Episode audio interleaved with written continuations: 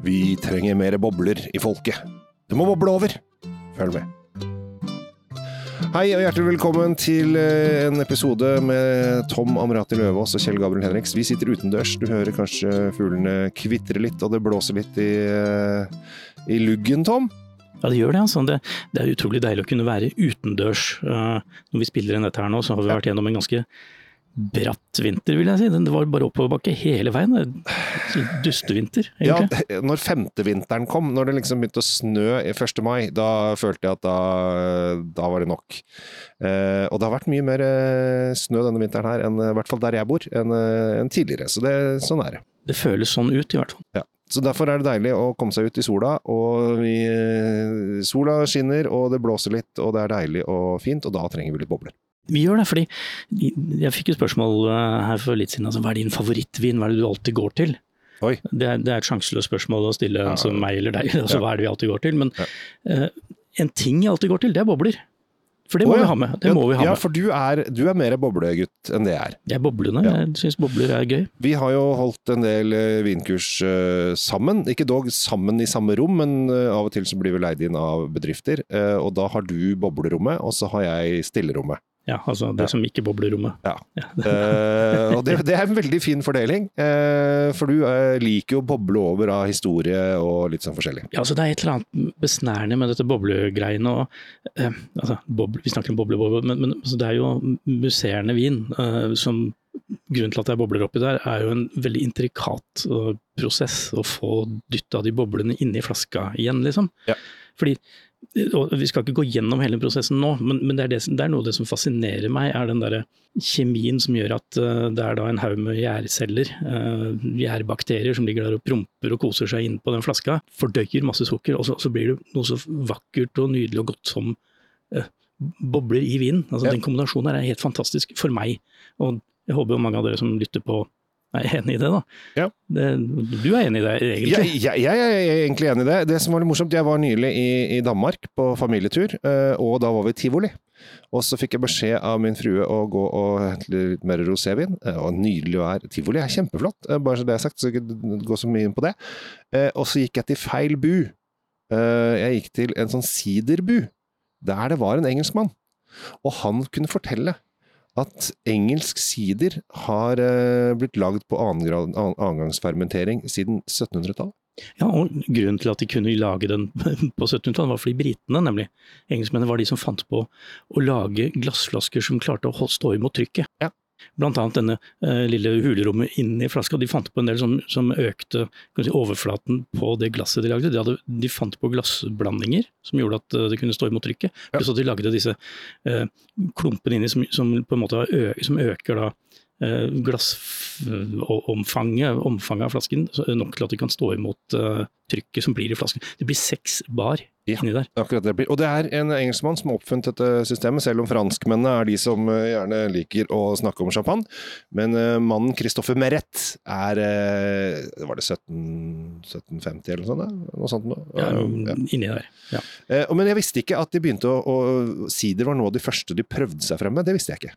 Nei, og det, vi, vi liker jo tro vi, vi har jo alle hørt historier og myter om hvordan, spesielt i champagne nå skal, Vet du hva, jeg må bare skyte inn nå, vi skal ikke til champagne. Nei, vi skal ikke det. Nei. Og vi, nå skal, og, når vi sitter utendørs, nå åpner den seg sjæl snart. Ja, kommer den, kommer den, kommer den. Oi, oi, oi, oi, oi, Jeg gikk rikosjetten rett i taket her. Ja, Sitter, eh, sitter under, eh, under en baldakin, og der, eh, den eh, fikk seg en trøkk. Ja. nå må jeg strekke meg over til deg. Vi er da i eh, Loiredalen. Ja.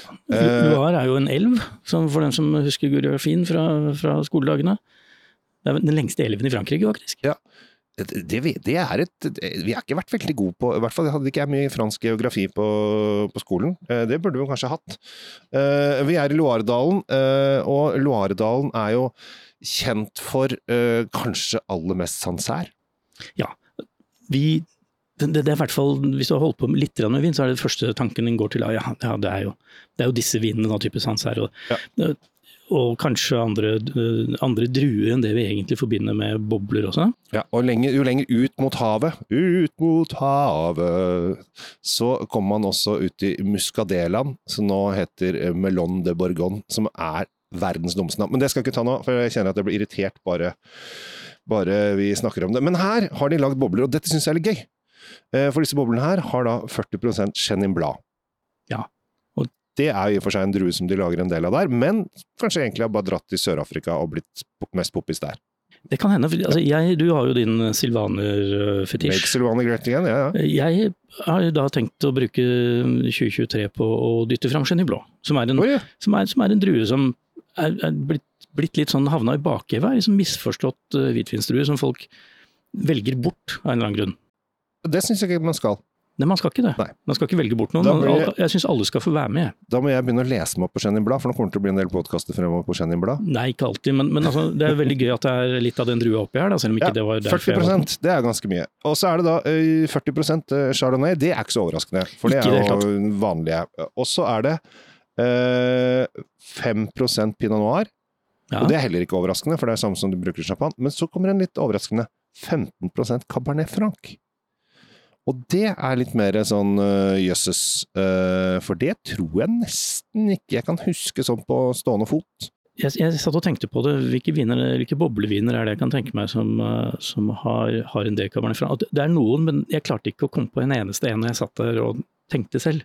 Jeg måtte, jeg måtte slå det opp. Ja. Jeg gidder ikke å ramse opp de nå, men, for det er ikke viktig. Men en av de skal vi smake på nå, i hvert fall.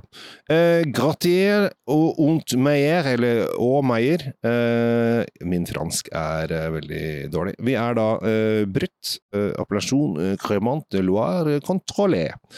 Og her, da vet vi jo at uh, dette er lagd av en av de syv appellasjonene som får lov å kalles kremant. Uh, kremant er ikke bobler som ikke er champagne. Det er også fire, nei, sju områder. Ett av de ligger i Luxembourg, uh, seks av de ligger i, i Frankrike, og Loire er vel en av de lengre. Jeg tror ikke det er den største, men det er en av de lengre områdene. Ja, hvor, Ja. hvor, langt har du lagd vin, liksom? Ja, for her, eh, Og så er det sånn, det, det er en tynn, lang dal, eh, mens eh, Cremante Burgund, som jeg antar er den største, er vel den som lager mest også. Men jeg syns at vi glemmer ofte Cremante Loire. Ja, Ja. Vi, vi, vi er veldig flinke til å snakke om Cremante Burgund, eh, Alsace og, og, og disse som liksom kommer først fram i hyllene. Og så Ja. og stakkars Loire, da, som ligger der som en sånn liten sånn parentesgreie bak der.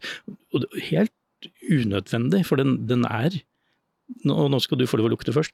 Det, det er nemlig veldig bra greier. Ja. Og her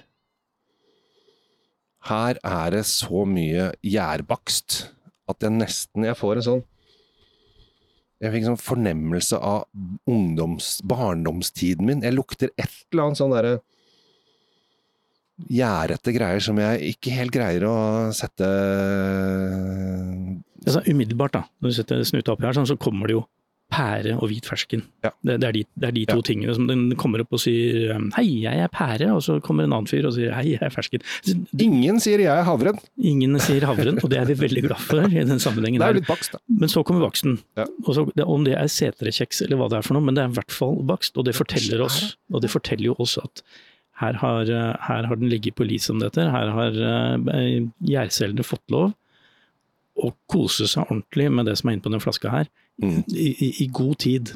Og da utvikler man denne gjærbaksttonen, noen kaller det brioche. Det, det varierer litt grann akkurat hvordan bakst det er. Ja. Jeg syns dette her var litt bakt kjeks, altså litt sånn på den stekte siden. Ja, jeg syns det, det var en tydelig, tydelig mm, bakstpreg. Jeg pleier alltid å si når jeg holder vinkurs, så pleier jeg å si at uh, når eh, Merete Bø i Dagens Næringsliv skriver om bakst, så skriver hun brioche. Hvis Klassekampen hadde hatt en uh, vinanmelder, noe de aldri kommer til å ha, så hadde det stått loff eller kneip. Mer, mer Ja. grovkneip, tenker jeg. Ja. Ja. Men- produktet er det samme, lukten Ja. kan variere lite grann. Og med all, all respekt for Merete, så, så vet jeg ikke hvor mye grovkneip hun spiser egentlig sånn ellers. Nei, jeg vet ikke. Det, det kan vi finne ut. Men det som er veldig bra, når jeg har smakt mens du snakka om, eh, om eh, bakeryrket, Ja. bakelauget Og det som er så bra med den her, er jo frukten. Frukten som du lukter, pære og alt det der sånn, den fruktblandingen den følger med. Det er, det er nesten det første du kjenner, er den derre massive frukttreet. Og så har det en syre som da, de som har hørt på noen episoder av Drinkfeed og, og deg, Kjell, vet hvor fanatisk opptatt jeg er av syre. Fordi Mm. det, det er det som for meg driver hele greia. Er det for lite syre, så blir det bare en død og slarkete greie som ingen liker. Ja. Syra her er helt på topp. Helt, helt på, på G, som det heter. Helt med. Mm. Du er syrefrik. Jeg er blitt det. Det er en Ja. yrkesskade for oss som smaker mye vin. Så vi, vi, vi vil ha syre. Ja. Og det, det eneste som syns det er kjipt, er tannlegen eh, min. Hun, hun, er ikke så veldig happy for akkurat de syregreiene, men eh, det gjelder bare å pusse tenna. Verre er det ikke. Ja. Jeg, og jeg tenker, den frukten her, og mens jeg har sittet og snakka om syre og tannleger nå, så er den der fortsatt. Mm. Den slipper ikke taket. Mm. Det er en lang smak. Den, den, vet du hva, Dette, denne flaska her, som vi åpna nå, har en helt nydelig gjennomføring av fruktblandingen. Og det som er kult her, noen ganger så går jo du er enig i det, noen ganger går smaken over i litt krydder, kanskje urter og sånn. Her holder den frukten mye, mye lenger, før Mm. den egentlig bare forsvinner som en liten alv ut i ingenting. Ja, sitter fortsatt. Det er, veldig, veldig bra. ja, og hvilken smak har du nå? Pære. Eller mersmak? Du får lyst til å ta en til. Ja, sånn sett, ja. ja. Åh, åh, nå, ja, nå er det der. Men det er, pæra sitter godt. Pæra sitter godt, pæra, ganske godt igjen. Ja, liksom, og det er også kult at den, den holder den, den samme frukten, den er konsistent Ja. på frukten, den endrer ikke art underveis. Den bytter ikke vekster. Jeg syns dette her eh, var eh, leskende og friskt. Og det som eh, er så fint, Tom, vet du hva som er fint? Den er ikke sånn superdyr, er det du skal si nå? Ja. For den er ikke det. Nei. Er, er, kan vi konkurrere med altså, den, den koster mer enn disse vanlige Proseccoene og alt det andre greiene. Vi, vi har Hva koster en Prosecco om dagen? Jeg vet ikke, du får vel en, en hyfsat en for en sånn 150-ish-aktig. Ja, men de øker i pris, de òg, skjønner du. Ja, alt blir jo alt blir dyrere. Ja, til og med Prosecco. Ja, øh, jeg, jeg mener at Prosecco ja, det koster 150, 60, 70, 80 kroner. Kanskje nesten 200 kroner for en Prosecco nå. Denne koster 179,90. Ja, ikke sant. Ja. Det er Prosecco-pris. det er Prosecco-pris på en crema. Ja. Og Kan da, vi kan kalle det Prosecco-dødaren. he, da vil jeg, du nok få en del italienere på nakken, men uh, Jo jo, men uh, de fleste dette er et annet produkt, Ja. Kjell Gabriel. Det er mye mer avansert å lage eh, dette her enn å lage Prosecco. Da lager man bare eh, karbonisering i en stor tank. det, det, det tar fire uker og fire til fem uker å lage en, eh, en diger batch med Prosecco. Eh, Du har vært vært der, du, og sett Ja, hvordan det foregår. Enorme ståltanker. Ja, du kan jo alt om dette her. Ja, eh, og ja, nå skal vi ikke gå inn på Charnat-metoden heller, men, men, men ja, du har helt rett. Det, det er mye mer håndverk i det greiene her enn i, i, i den andre vi nevnte. Ja. Jeg syns denne er helt fantastisk. Prisen overrasker meg også. Ja. Jeg hadde lett guffa opp den til over 200. Ja, altså sånn tippa 250. Ja, ikke sant. Fordi den, den gir så mye. Ja. Eh, Gutter og jenter der ute, her er det egentlig bare å, å kjøpe i vei. Gratien, Gratien og Meyer Cremant de Loire Brut. Sagt, Sagt på på norsk. fransk-norsk. Ja, ja, ja. Jeg er så dårlig på fransk. Ja, altså, altså, dere, som, dere som hører dette her på Drinkfeed, vil jo finne da vinen i, i kommentarfeltet. og det vil jo til og med de som eh, hører Kjell Svinkjeller også. Ja, for dere har såpass, klart å opp- såpass service skal vi ø- ø- ja, øke. det vi oppgradert nå i det siste. Vi eh, takker for nå og ønsker deg en riktig god dag videre. Og det er lov å drikke gode bobler til en god pris. Absolutt. Og sommeren har så vidt begynt for oss, og sannsynligvis for dere. Og her er det egentlig bare å bunkre opp med, med glade bobler fra, fra Loire. Men uh, husk uh, han Jens Auguster og Rosell Cæsar, han ga ut en sang 'Sommeren er kort' og en coverlåt. Uh, så det går fort over, så her må du bunke opp fort og drikke fort. Ja, veldig negativt på slutten her, men Ja, men sommeren er litt kort i Norge. Ja, nå blir det overskya, Ja, ja. Takk for nå!